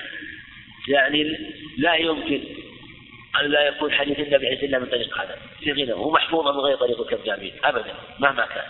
ولهذا في الغالب إنك ترى أن هذه الأخبار التي تروى في الغالب أنها حتى وإن كانت طريق الكذابين لو فرض أن حديث ثابت لابد أن يعرف من غير طريق من غير طريقه ويعني إما بطرق كثيرة لكن نحكم على على هذا الطريق بأنه لا يصح بصرف النظر عن الطرق الأخرى. والفرد أيضا باعتبار الثقة نعم قرأت هذا واللي بعده مدبل والفرد أيضا باعتبار الثقة نعم. مثل ما تقدم؟ أو البلاد. إيش معنى البلاد؟ يعني لو قيل لم يروه إلا مكة أبو داود رحمه الله له كتاب اسمه التفرد. يعني ما تفرد به آه، مثلا أهل مرو أهل مكة كذا فالحديث اللي مثلا تفرد به أهل مكة مثلا. أو لا يعرف إلا من طريق أهل الشام. مثل حديث بعض الحديث مثلا من طريق أهل الشام مثل حديث آه، أبي ذر يا عبادي إني حرصت على نفسي. هو سند شامي فهذا يقال مثلا تفرد به أهل البلد الفلاني. وقد يكون رواة عشرات. صحيح ولا لا؟ قد يكون رواه من من هداية البلد. ماذا؟ كثير. لكن تفردوا به. لا تعرف السنة اليوم. فهناك حديث وأسانيد مصرية أسانيد شامية أسانيد مصرية أسانيد حجازية. فلهذا آه، يقال تفرد بها البلد الفلاني. أو شريك الصحبة. أو شريك الصحبة. شريك الصحبة أخص من الثقة. مثل مالك رحمه الله. إذا روى عنه إذا روى عنه طلابه أو الزهري مثلا أو عبيد الله بن عمر أو نافع مثلا حينما يروي عنه شخص فيتفرد مثل عبيد الله بن عمر عن نافع أو أبو طلحة عن جابر مثلا أو الأعمش عن أبي طلحة أو ما أشبه ذلك حينما ينفرد بحديث عن شيخه. وزملاؤه كثير الثقات. نقول؟ تفرد باعتبار أصحابه زملائه. وقد يكون نفس الحديث مثلا اللي رواه عبيد الله عن نافع ولم يروه عن نافع من تلاميذ من تلاميذ إلا عبيد الله. معروف من رواية جاد طلع من رواية مثلا أبي سفيان عن جاد من رواية عكرمة عن ابن عباس. قد يكون معروف. رواية أبي الزبير عن جابر لكن نقول هو تفرد به فلان عن نافع تلميذ فلان. ولم يروه من تلاميذ نافع إلا عبيد الله. لم يروه مثلا تلاميذ ابن عباس إلا عكرمة. من تلاميذ أبي الزبير الجابر إلا أبي الزبير. وهكذا. وقد يكون الحديث محفوظ من طرق أخرى من غير طريق ذاك الراوي الذي تفرد به عن شيخه. هذا الشيء تفرد ماذا؟ نسبي. يعني حينما يتفرد مثلا فلان عن عن شيخه يكون نسبيا وإن لأنه مروي من طرق أخرى. نعم. بالنسبة للزملاء. بالنسبة للزملاء. يعني مثلا يعني حينما يروي إنسان قصة قصة مثلا رواها عشرة رواها عن العشرة يعني روى عن عن عشرة هؤلاء واحد من عشرة رواه خمسة وواحد من عشرة رواه ستة وواحد من عشرة رواه سبعة وواحد رواه ثمانية مثلا. وواحد من عشرة رواه واحد. يعني عندنا عشرة هي قصة أو واقع رواها عشرة. ورواها عن الأول واحد ورواها عن الثاني اثنان وروى عن الثالث ثلاثة إلى العاشر. الأول تلاميذ عشرة والثاني تلاميذ عشرة والثالث تلاميذ عشرة. تلاميذ عشرة. لكن الأول من روى عنه من عشرة كم روى عنه؟ واحد وتسعة لم يروي والثاني روى اثنان والثالث ثلاثة طيب في قصة واحدة قصة واحدة. الآن القصة يعني كانت متواترة متواترة. لأن رواها عن العشرة أعداد منهم من روى عشرة وتسعة وثمانية لكن من الذي تفرد عن العشرة؟ الأول. تفرد. فنقول تفرد فلان باعتبار الصحبة. زملاء غير التسعة ولم يروي هذه القصة إلا هو. لكن بالنظر العام جاءت رواية فهي رويت من طرق كثيرة ليست لم يتفرد بها فهو بالنظر إلى زملائه وشركائه في الرواية. هكذا في الرواية. هذا المراد. نعم.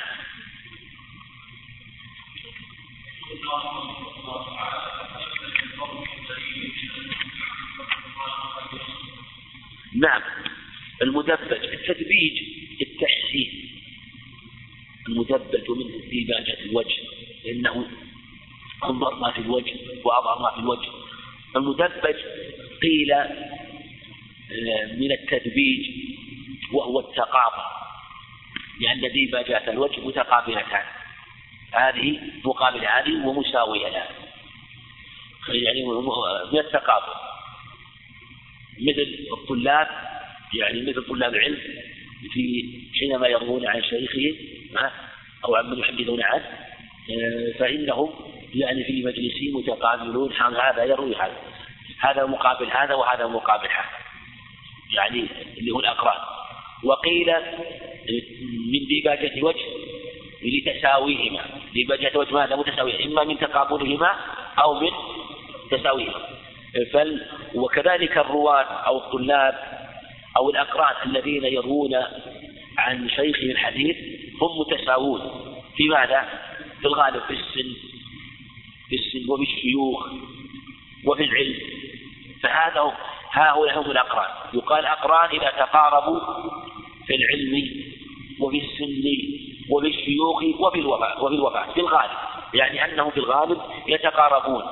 ولهذا وضعت الطبقات فكل طبقة فيها مجموع الرواة والطبقة قد تكون طبقات والعلم في هذا لهم يعني بحث واسع.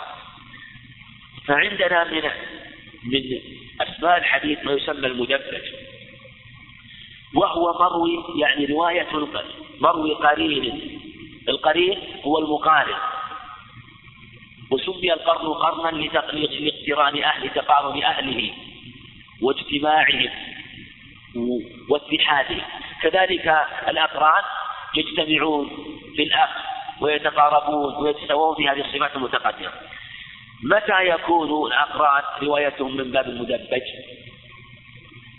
الأقران مروي قرين من أثر يعني إذا روى القرين عن زميله المساوي أثر. هو روى عن زميله الآن حتى ما بعد صار مدبج بالعكس. كذلك روى الثاني عن الأول. فإذا روى هذا مثلا أحمد ومحمد كلاهما متساويين أو متقاربين في السن وفي الأخ وفي العلم وفي الرواية عن المشايخ أحمد يروي عن زميل محمد ومحمد يروي عن أحمد. فإن روى أحمد عن محمد ومحمد عن تسمى مدبج. فسمي مدبج كما تقدم آه، إما من التساوي فأخذ كل منهما عن الآخر أو من آه، ديبجة وجهه من التحسين لأن هذا مما يستحسن آه، في أخذ أحدهما الآخر. وأول من سماه بهذه قال والدار قطني رحمه الله. فإذا روى أحدهما روى كل منهما عن الآخر يسمى مدبج وإذا روى أحدهما عن الآخر ولم يروي الآخر عن سمي رواية الأقران الأقران فإذا روى أحمد عن محمد وحده سمي الأقران أو محمد عن أحمد. أما إذا روى أحمد عن محمد ومحمد فهو المدبج وهذا يقع كثيرا في في الرواة مثل رواية الصحابة بعضهم بعض. مثلا ابن عباس عن ابن عمر وابن عمر بن عباس وأبي هريرة عن عائشة وعائشة عن أبي هريرة. ومن بعدهم مثلا سالم عن نافع ونافع عن سالم. ومن بعدهم مثلا الزهري مثلا عن أبي الزبير محمد بن الاسدي مثلا. وكذلك من بعدهم مالك عن الأوزاعي والأوزاعي عن مالك. ومن بعدهم الامام احمد رحمه الله عن علي المديني وعلي المديني عن أحمد رحمه الله. ومن بعدهم مثلا في طبقات متاخرين من الحفاظ الذين يلتقون مثل مثلا يعني ابن القيم عن ابن كثير وكثير ابن القيم. وقبلهم شيخ الإسلام رحمه الله ابن تيميه عن المزي والمزي عن شيخ الإسلام.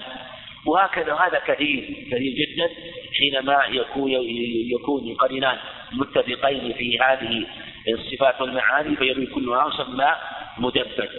هو نعم. واذكر ما واذكر ما هنا من الصور. ما يعني الذي؟ واذكر الذي هنا. لأن هذا له صور. هذا له صور. أشهر ما في الباب هو التدبيج أو المدبج لكن منها أيضا الأقران. الأقران تقدم أنه حين يروي عن آخر ولا يروي الآخر عنه. أيضا في صور أخرى سميت الأكابر عن الأصاغر والأصاغر على الأكابر هذا يعني شبيه بهذا أو رواية الآباء على الأبناء أو الأبناء على الآباء نعرف أن رواية الأبناء على الآباء يعني ليس مستنكر لكن القليل رواية الآباء عن الأبناء. رواية الأكثر على الكافر ليس مستنكر لأن الصغير يأخذ عن الكبير لكن رواية الأكابر عن الصاغر هو القليل. ولهذا طالب العلم يحرص على كل هذا يعني على الأخذ فيأخذ عن من هو أربع أكثر منه وعن من هو مثله وعن من هو أقل منه. فيجمع جميع أنواع الصفات لا يحقر شيء من الفائدة. لا يحقر شيء من الفائدة وهذه المراد أن هذا لها صور كثيرة في رواية البعض عن البعض كما تقدم. نعم. نعم. نعم. مدبج مهمة لأنها أولا مزيد من التثبت وأيضا آه، ربما يكون القرين يعني لم يسمع الحديث أو يريد يثبت فيه أو يحصل فائدة زائدة أيضا قد يكون من قرين. هذا عنده من العلم من مشايخ هذه ليس عند قرينة فيروي عنه فهو يروي مثلا عن شيخ وهو يروي عن شيخ آخر فكلاهم ربما كلاهم يروي عن شيخ واحد وكلهم يروي عن شيخ. فيجتمعان في شيخ أما في شيوخ المختصين هو يروي عن عن شيخه وهذا يروي عن عن شيخه. فلا فوائد كثيرة نعم. نعم. نعم. نعم. من فوائد هذا أنه قد يظن أنه عندنا إصابة وقعت بدلا الواو يعني أصل فلان وفلان حتى لا يظن. يعني لما يعرف عن الصفوان يعرف أن فلان عن فلان وهذا قليل. عن صح نعم. لأنه ربما يظن أنه إذا كان فلان عن فلان في الغالب إنه ما يمكن يكون شيخ. لكن إذا كان إذا كان مثلا لأن إذا كان عن فلان عن فلان مثلا فلان عن فلان يعني يكون شيخا له شيخا له. فقد يتوهم مثلا أنه آه، أحمد ومحمد عن عبد الله اللي هو الشيخ. وهو الحقيقة محمد عن أحمد عن عبد الله عن عبد الله. وهذا يصير في طول وهذا يكون في طول السنة. لكن طالب العلم ما يبالي يأخذ عن شيخه وعن قرينه وعن قرينه فلا يبالي. يعني مثل ما قد يأخذ عمن هو مثله وعمن هو أصغر منه. نعم.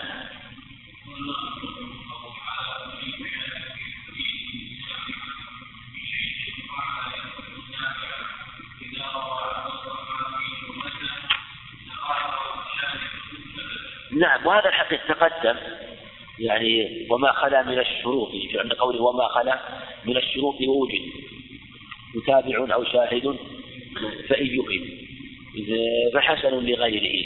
تقدم معنا عبارة قليل من هذا. وما خلا من الشهود متابع وشاهد يفيد فحسن لغيره. لكن هنا أراد يعني أن يعني ذاك الكلام كان في الحسن. والصحيح. والصحيح لذاته والحسن لذاته وهنا مثلا يخص آه، اللي هو ما يتعلق بالمتابعة والشهادة وتقدم نحن تكلمنا على عليه ما تقدم. هو أشرنا إلى مثل هذا. وهو أنه هو المشاركة من شارك في حديث سامع ومن شارك في حديث سامع من شيخنا وعلا قلنا إن المتابعة المتابعة التامة ومتابعة قاصرة متابعة تامة. فإذا روى مثلا مالك من الشافعي عن مالك عن نافع عن ابن عمر. فجاءنا إنسان فجاءنا إنسان فروى عن مالك مثل ما روى عن مثل تابع الشافعي. تابع فروى عن مالك عن نافع عن مثل ما روى الشافعي عن مالك عن ابن عمر. إذا روى عن شيخ الشافعي تابعه ماذا؟ تامة تامة فإذا روى عن شيخ مالك تكون متابعة؟ ولكن يشارك في حديث سامع. شارك في الرواية السامع للحديث الشيخ. هذا من شيخ ها؟ أو أعلى. إن كان من شيخ متابعة كاملة أو أعلى متابعة قاصرة. يكون متابع. إيش متابعة قاصرة تابعة إذا روى عند الصحابي يعني عن ابن عمر. يعني إذا كانت متابعات عن صحابي معين فهذه هذا يسمى إذا كانت الرواية عن صحابي معين فيسمى متابعة. تابعه في الرواية فتأيدت وتقوت رواية. لكن المتابعة التامة أقوى وهي التي يحصل بها المقصود. ومتى يعني عند التغاير والاختلاف كان عن صحابي آخر. مثل روى مثلا عن نافع حديث مالك الشافعي عن مالك عن نافع عن ابن عمر. جاءنا حديث جاءنا راوي رواه تابع الشافعي عن مالك ها؟ عن نافع لكن ما دار عن ابن عمر قال؟ عن أبي هريرة. إيش يكون هذا؟ شاهد. شاهد. من طريق آخر. والشاهد نوعان شاهد باللفظ وشاهد بالمعنى. فإن جاء بنفس اللفظ فهو شاهد باللفظ وإن جاء بالمعنى فهو شاهد بالمعنى. إن ثبت إن ثبت مهمة. يتقدم أنه اشترط أن يكون المتابع تابع والشاهد بأن تكون يكون الراوي مما تقبل روايته لا يكون شديد الضعف. لا يكون شديد بل تكون يكون ضعفه يسيرا محتمل. أما لو كان المتابع مثلا كذاب ما تقبل. أو متهم أو متروك أو فاحش الخطأ والوهم لا تقبل.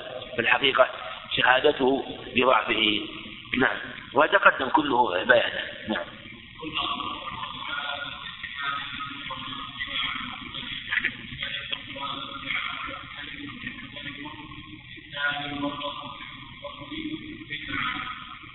نعم. نعم هذا هو آخر الأقسام في أسماء الأحاديث وأقسامها. وهو ما يسمى المتفق والمفترق والمختلف والمختلف. ومن أهم أنواع الحديث وعلوم الحديث. وهو الحقيقة يشمله مسمى يسمى المتشابه مشتبه النسبة. مشتبه النسبة هذا يشمل النوعين. وأهل الفن لهم تقاسيم كثيرة في هذا.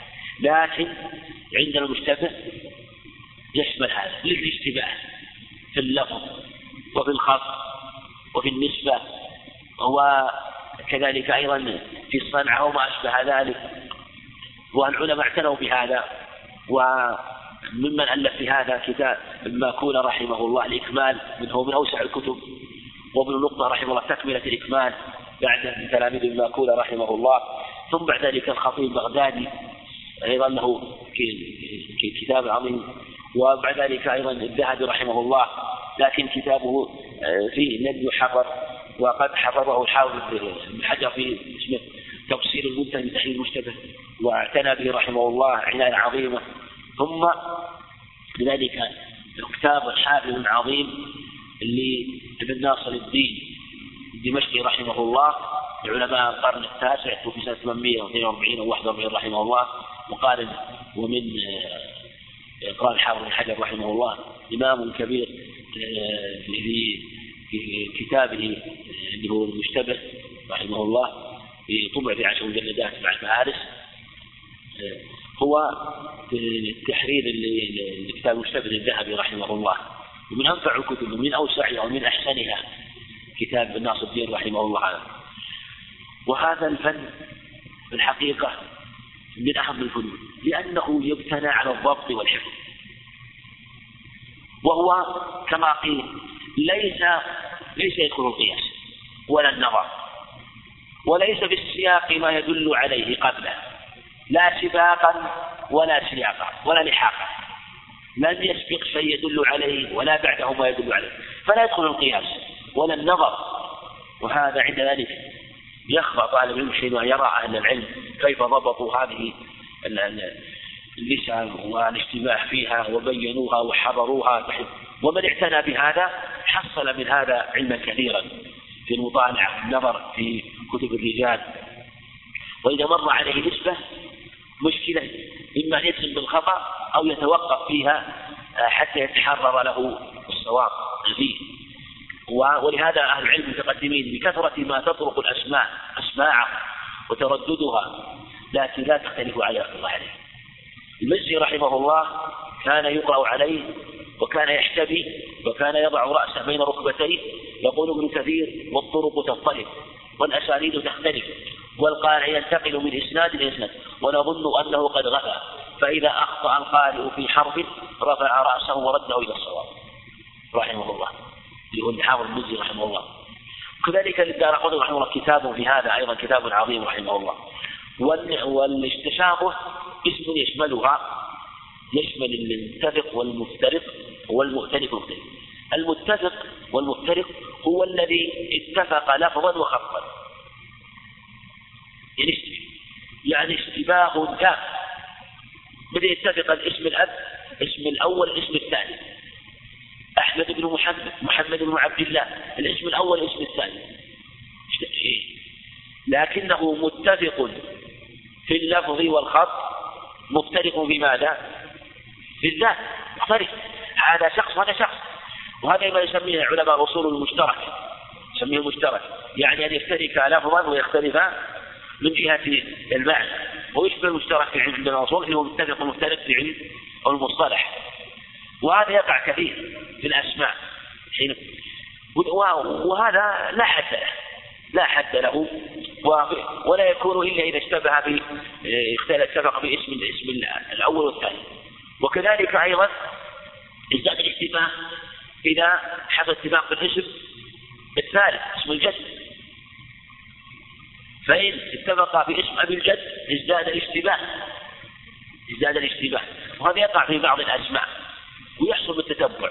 هذا هو اتحاد اللفظ والخط متفق يعني في الخط والنقط والنقط مفترق. يعني إن هذا غير هذا. والمؤتلف مؤتلف هو ما اتفق خطا واختلف لفظا. هو اتفاقهما خطا واختلافهما لفظا. وهذا باب واسع أيضا. تارة يكون الاختلاف في الاسم الأول يعني الائتلاف في الاسم الأول ومع الافتراق في اللفظ وتارة في الاسم الثاني وتارة ربما يكون فيهما تارة ربما يكون فيهما مثلا قبل ذلك يذكر مثال في القسم الأول مر معنا اسم ذكرناه مثال في باب العلة في المتفق والمفترق. في اسم في اتفق في الاسم الأول والاسم الثاني ولكن اختلف في الاسم الثالث. واشتبه على عبد الرحمن بن يزيد. نعم عبد الرحمن بن يزيد بن هذا بن جابر. عبد الرحمن بن يزيد اتفق بالاسم الأول ابن جابر عبد الرحمن بن يزيد ابن وقلنا الراوي من هو الذي الذي روى ها؟ نعم اللي هو الراوي اللي هو لما قلنا دخل الشام دخل الشام المرة الأولى اللي هو عبد الرحمن بن يزيد بن جابر ومرة دخل الرحمن بن تميم فسمع أبو أسامة حماد نعم من من ابن تميم ولم يسمع من ابن جابر. فكان يروي عن عبد الرحمن بن يزيد فيقول ابن جابر. متقدم هذا. هذا لكن ميزوا والقسم الثاني المؤتلف والمختلف. الائتلاف يكون في الخط.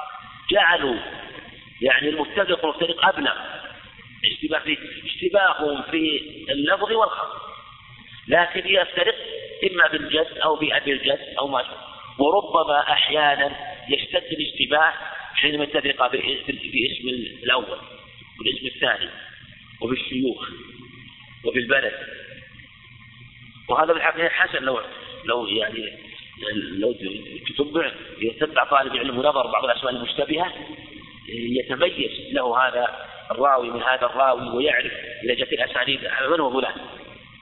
وهذا يعرف أحيانا. وبعض العلم يقول إنه وإن كان ليس فيه ما يدل عليه لكن قد أحيانا استدل من جهة التلاميذ والشيوخ. مثل تقدم عبد الرحمن بن يزيد بن جابر. قالوا إن عبد الرحمن بن يزيد هذا بن تميم. كيف تميز؟ قالوا لأن أبا أسامة شيخه ابن تميم لا ابن جابر فميزوا من هذه الجهة قالوا إنه لم يروي عن عن ابن جابر ما روى عن ابن جابر ما روى عن ابن جابر فأحيانا ربما يتميز من جهة تلاميذ يرجو لكن في الغالب كما قال ليس عليه دليل يدل عليه. مؤتلف يعني ائتلف في الخط. واختلف في النطق. وقد يكون الاختلاف في الاسم الأول والاسم الثاني وقد يكون اختلاف وقد يكون اختلاف في الاسم الأول والاسم الثاني من جهة الخط واختلاف من جهة النطق وقد يكون الاختلاف في الاسم الأول من جهة الخط ومختلفة من جهة النطق وقد يكون في الاسم الثاني دون الاسم الأول. بالاسم الأول مثلا عندنا يعني عندك مثلا عياش وعباس. يعني عياش وعباس عباس ابن الوليد النرسي وعياش ابن الوليد الرقام ليك السند؟ عباس ابن الوليد وعياش ابن الوليد. ألا يقع به التصحيف ممكن يطلع بدل ما يكتب عباس يطلع في الطابع ماذا؟ عياش. اختلاف هذا في النقل الصورة في الخط واحدة لكن اختلاف لا عباس وعياش. عثام وغنام عثام بن علي. مثلا. وكلمة وغنام رب يشتبه كثيرا مثلا عندك بريد ويزيد. بريد ويزيد. قد مثلا يشتبه يكتب مثلا بريد يزيد لأن الصورة في الخط واحدة. لا في ماذا؟ في النقل أحيانا يحصل الاشتباه في الاسمين. تمام. يعني قد يعني الائتلاف قد يأتلف خطا في الاسم الأول والثاني. مثل بريد بن أبي مريم ويزيد بن أبي مريم. هذا وشو مؤتلف في الاسم الأول والاسم الثاني. الاسم الثاني الحقيقة يعني أيضا ممكن ممكن أيضا تقول أنه ينقسم قسم ثالث يجتمع الاتفاق ها؟ يعني اتفاق مع الاختلاف في اسم واحد. الآن بريد بن أبي مريم ويزيد بن أبي مريم. الأول من باب المؤتلف ولا المتفق؟ والثاني متفق. قد يتركب من النوعين باسم واحد. ممكن. لأن بريد بن أبي مريم بريد الأولى هذا بريد بن أبي مريم وهذا يزيد بن أبي مريم. فهما في الاسم الأول اتفقا في الخط واختلفا في النطق. وفي الثاني اتفقا خطا ولفظا. فقد يتولد أيضا أو يتحصل من هاتين من هذين الاسمين أو هاتين النسبتين وهذين اللقبين قد يجتمع منهما بالاسم قد يجتمع بالاسم الواحد. فيكون في في في أحد الاسمين من باب المتفق والمفترق وفي أحد باب المختلف والمختلف. والمختلف. هذا يقع. كثير مثلا أحيانا بعض العلماء يضعون ضوابط أحيانا يضعون ضوابط. يقولون مثلا حرام وحزام. حرام بالحاء والزاي. الحاء مفتوحة والزاي هذا بالأنصار. لا حرام بعد. وحزام وحزام هذا في قريش. يعني ما يكون حرام إلا في أنصاره ولا حزام إلا في قرش ولا إلا إلا في قرش يأتي أحيانا مثل هذه الضوابط. ربما يقولون مثلا أحيانا كل مثلا عندك يسير ونسير. وبسير يسير الأول بالياء مصغرة والثاني بالنون مصغرة وأسير والثالث بالهمزة مصغرة صغرة وأحيانا يأتون مثلا أسير يقول كله بالفتح إلا أسيد بن علي أو أسيد بن متشمس كل أسيد بالفتح فيضعون أحيانا ضابطا للأكثر فيقولون هذا كله بالفتح فكل أسيد كل إيش قلنا نحن؟ أسيد وكل أسيد وسيفه بالضبط. إلا اثنين فهما بالفتح مثلا أو ثلاثة حسب عدد. لكن ذكران أسيد متشمس وأسيد بن علي فيضعون ضوابط مثلا. وهكذا أسماء كثيرة. ترى أحيانا في كتب المصطلح يضعون للأكثر ثم يأتون مثلا أقل يقولون مثلا هو بالضم ومثلا بالضم مثل مثلا بشير بالفتح. كل بشير بالفتح إلا بشير بن يسار وبشير آخر أيضا. يكون بالستة إذا فهو بالضم الأصل كل بشير كل بالباء بالباء مفتوحة. بالباء من أسفل اللي هو يسمونها يعني مفتوحة أو أو يعني مكبر اللي هو بشير أما المصغر بضم الباء فهو مثلا إثنان أو ثلاثة بحسب الموجود. يضع ضاء. أي ضابط تنفع طالب العلم. تنفع حينما الأصل الجادة أنه مثلا بفتح أو بالضم. وعلى هذا حتى يمكن أنك تضبط الأسماء تحفظ المستثنى. تحفظ هو الأسماء التي استثنيت اثنان أو ثلاثة تحفظها. وما سواها فهو مثلا بالفتح وهو بالضبط. وهكذا مثلا آه، يقولون مثلا مثلا العنسي العيشي مثلا. يقول مثلا ما كان مثلا آه، يعني البلد أحيانا أحيانا ما كان نسبة إلى بلد مثلا فهو الحمدان الحمداني ما كان نسبة إلى آه، قبيلة فهو همداني. أو بالنسبة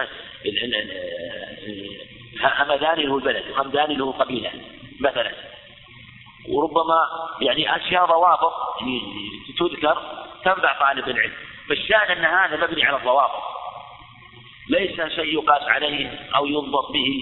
فلا بد أن تعرف هذه إلا أنها تدل القرائن على أنه مثلا هو فلان من جهة مشايخه ومن جهة كلامه مؤتلف مختلف الثاني والقصد يعني من هذا حفظ القصد وهو القصد يعني المقصود والأصل آه، هو حفظ المعاني حينما تتفق الألفاظ خطا ولفظا أو تتفق من جهة الائتلاف في الخط وتختلف من جهة اللفظ. فالمعنى مختلف. والقصد من هذا حفظ المعاني حتى لا تخلط هذا الاسم بهذا الاسم. وإذا خلطت خلطت الصحيح بالضعيف وأيضا قد أسانيد بأسانيد فلا بد من هذا الضبط. وأسأل الله وهذا ختام منه رحمه الله وسؤال الله عز وجل بطلب الرضا والقبول حينما ختم هذه المنظومة رحمه الله في هذا الفن الشريف. وفي اعتراف التقصير وأن العبد مهما اجتهد ومهما عمل في علمه وعمله إلا أنه معرض للخطأ بل اعترف قال جاني. والجناية جنى على نفسه. يعني ليس الجاني جنى على غيره لا. جنى على نفسه. وأعظم الجناية الجناية على النفس بالتقصير فيها وعدم العمل. أيضا من الجناية أن يكون يعني يتعود أن لا يكون علمه وبالا عليه وأن ينتفع من علمه قال وأسأل الله الرضا للجاني. يعني جناية النفس وهوى النفس. بنخبة. النخبة ما هي؟ هي الاختيار والاصطفاء. نخبة. بنخبة المخلوق آه، والخلان المخلوق.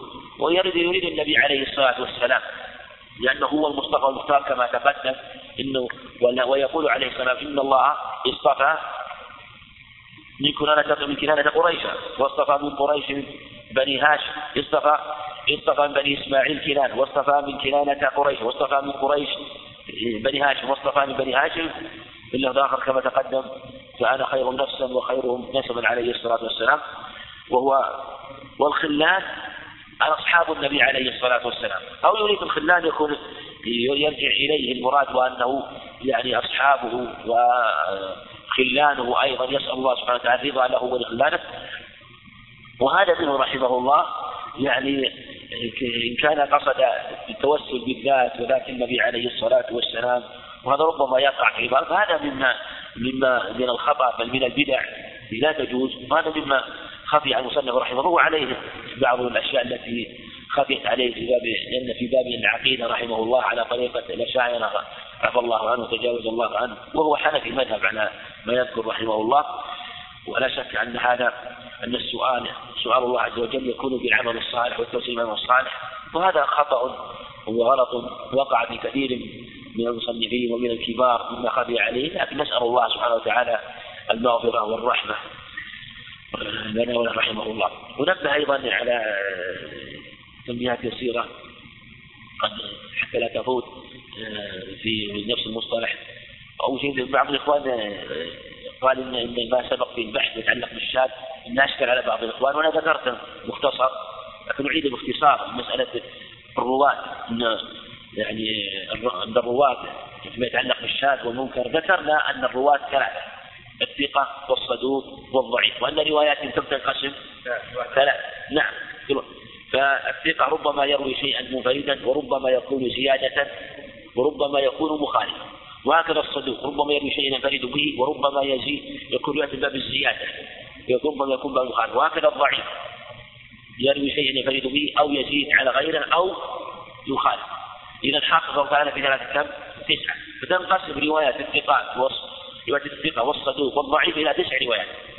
وحينما تحصرها يتبين لك كلام العلم في الشاذ والمنكر. وسبق قلت إن كلام الشاذ والمنكر متداخل. وكلام المتقدم لا يكاد يفرقون. ربما قال عليه الصدوق شاذ وربما قال منكر كما يكون في الضعيف. والحاصل أن أن الثقة إذا روى شيئا انفرد به أو زاده على غيره أو خالف. فإن كان انفرد به هو مقبول حجة بلا خلاف. وكذلك أيضا إذا كانت زيادته ليست مخالفة. زاد شيئا فروايته حجة. أما إذا خالف فإن الثقة إذا حال خالف الثقات على المشهور أنه ماذا؟ شاذ إذا خالف أظن هو متق منه أو الثقة أما إذا خالف من هو مثله واختلف ولم يمكن الجمع وش يصير؟ المضطرب المضطرب يتقدم القسم الثاني الصدوق الصدوق إذا روى شيئا فرد في الأصل إذا فرد شيئا فرد في الأصل روايته مقبل حجة القسم الثاني أن يروي شيئا زيادة زاد شيئا يسمونه يعني زاد على غيره. يعني رواه غيره ما بالزيادة هذه الحقيقة الزيادة يعني زيادة الصدوق يحتمل كما تقدم أن تكون مقبولة ويحتمل أن تكون شاذة والأصل أن الصدوق إن زاد شيئا على غيره والثقات الأكثرون لم يذكروه في الغالب أنها تكون شاذة. تكون شاذة. تكون شاذة. يعني حينما يكون صدوق ليس ممارسا في الحفظ والعدالة هو الثقة ثم الثقات الأكثر لم يذكروا هذه يغلب على الظن ماذا؟ أنه أخطأ فيكون شاذا. فإن خالف وش يكون؟ منكر. خلاف الثقة إذا خالف يكون شاذ. فرق بين مخالفة الصدوق ومخالفة الثقة أن مخالفة الثقة. شذوذ ومخالفة الصدوق منكر. القسم الثالث الضعيف. الضعيف إن انفرد فهو ضعيف وإن خالف فهو منكر. منكر يعني يعني أشد من الضعيف. إلا قصدي إن انفرد فهو ضعيف. وإن زاد زاد فإنه منكر. يعني زاد شيئا لم يذكره غيره فهو منكر. لأن مع كونه ضعف ضعيف زاد شيئا لم يذكره ثقة كما قيل حاشفا وسوء أكيدا إن خالف يكون أشد في النكرة هذا هو متحصل منه. ما نقول منكر؟ حتى نخرج رواية الصدوق إذا خالف. أشد في النكرة وعندنا أيضا آه، نشير إليه مهمة آه، تتعلق وهي زيادة الثقة. وهي متعلقة بالعلم. زيادة الثقة في الحقيقة كما هو على التحقيق لا يحكم لها ليس لها ضابط معين. ما نقول جاءت الثقة مقبول إطلاق كما يقول بعض لا. وأحسن من تكلم فيه وأحسن من وقف. تكلم على هذه الثقة أحسن. رد كلام الزيلعي رحمه الله في نصب الراية.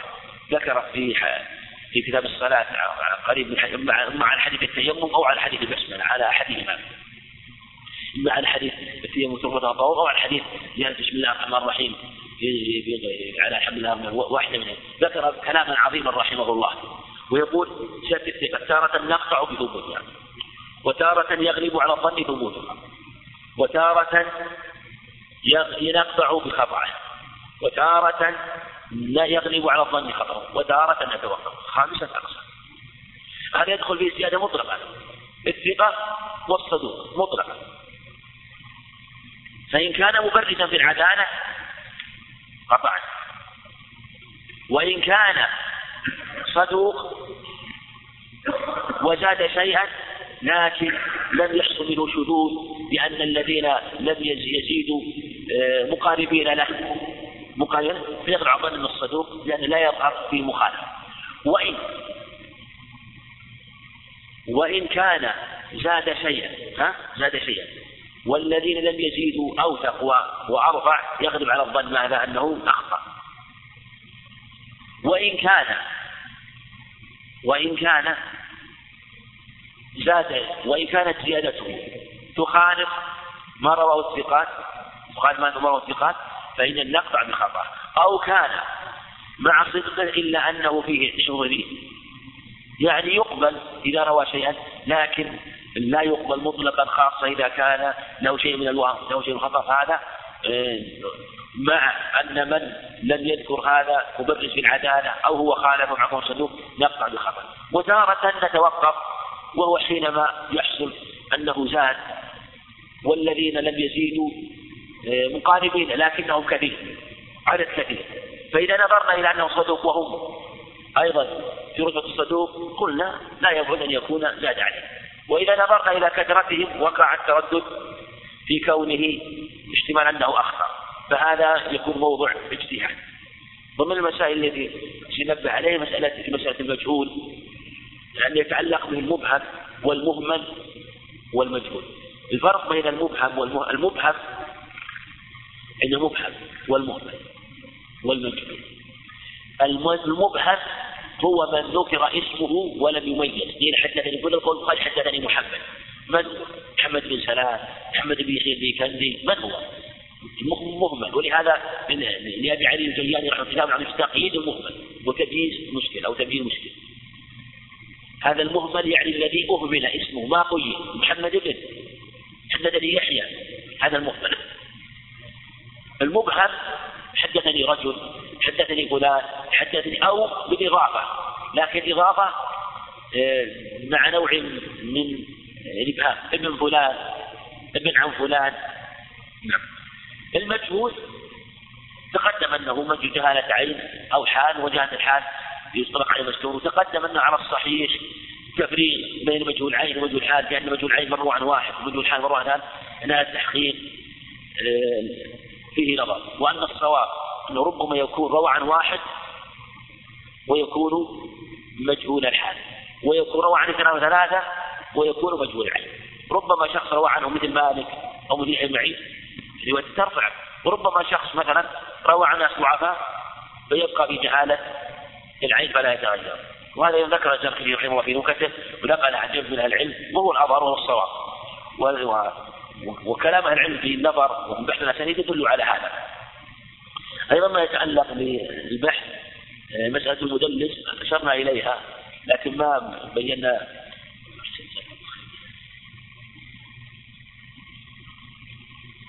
المدلس إذا قال إذا صرح فالصواب المدلس إذا قال متى يقبل؟ إذا صرح بالتحديث إذا صرح بالتحديث لكن تقدم معنا تدريس التسوية قلنا قلنا تدريس التسوية صحيح أنه يشمل ماذا؟ تدريس التسوية المشهور أنه تدريس ماذا؟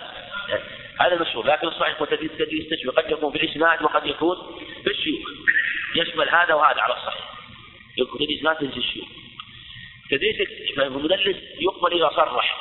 إذا كان صدوقا إلا مدلس تدريس تسوية تدريس إسناد فلا بد أن يصرح في جميع السند لكي يكون حجة. والله أعلم. وصلى الله عليه وسلم نعم. نعم.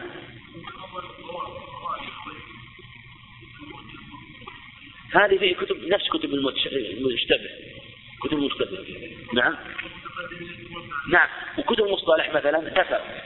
النووي رحمه الله ذكر في مقدمة شرح للصحيح ضعف الضوابط. وأيضا شراح شراح البيت العراقي من السخاوي بين ذكروا بعض الضوابط. وكذلك بعض المصنفين في كتب المصطلح. المصطلح نفسه النوع هذا نوع المتفق والمفترق والمؤتمن كثير منهم ذكر مثل ابن كثير رحمه الله في في علوم الحديث وغيره ذكروا ضوابط في هذا. نعم.